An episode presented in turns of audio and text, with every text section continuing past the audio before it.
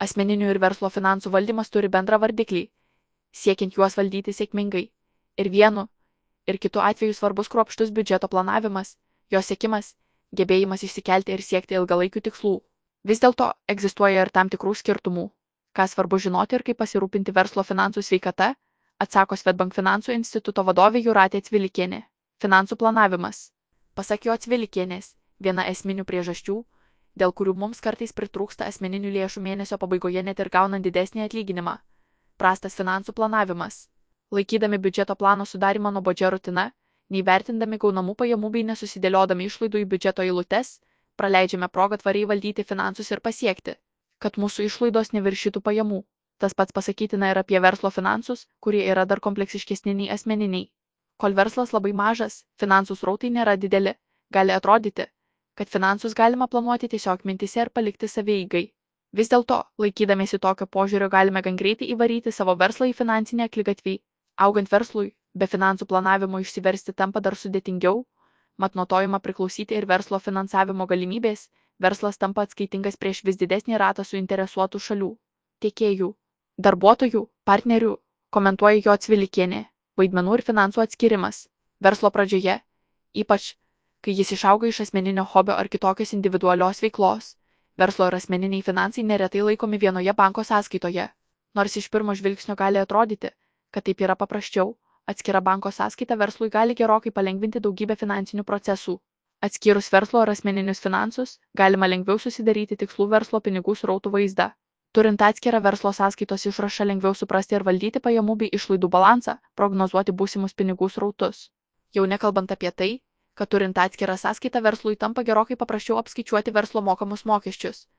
Teigė jo Cvilikienė.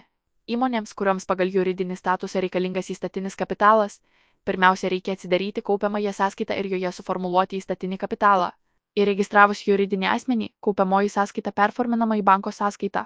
Įmonėms, kuriuoms pagal juridinį statusą įstatinis kapitalas nereikalingas pavyzdžiui, mažosioms bendrijoms, galima iškart atsidaryti įmonės banko sąskaitą. Tačiau, Pasak finansų instituto vadovės, siekiant verslo efektyvumo, verta atskirti ne tik sąskaitas, bet ir savo vaidmenis. Pasitaiko atveju, kada turint ribotus išteklius ir norint sutaupyti, naujų verslų vadovai imasi patys tvarkyti su mokesčiu ir kitomis subtilybėmis. Vis dėlto, pasitelkiant buhalterį ar teisininką, kurie gali padėti tam tikrais klausimais, galima išvengti klaidų, kartais kainuojančių daugiau už atlygį profesionalams. Tiesa, svarbu žinoti, kad įsteigus uždarąją akcinę bendrovę ar akcinę bendrovę taip pat viešąją įstaigą, buhalteris arba sutartis su buhalterija tvarkančia įmonė. Privaloma. Tuo metu individualioms įmonėms ar mažosiams bendrijoms buhalteris nėra privalomas. Finansinis rezervas. Apie tai, kaip svarbu turėti santaupų asmeniniams finansiniams išbandymams, puikiai žinome. Tokios saugumo pagalbės turėtume nepamiršti sukurti ir savo verslui. Susidūrus su netikėtų išlaidų padidėjimu ar finansų srautų sumažėjimu, ji padės užtikrinti sklandų įmonės veikimą galimybė išmokėti atlyginimus darbuotojams, sumokėti mokesčius bei apmokėti kitas verslo testinumui svarbės išlaidas, sako jo atsvilikienė.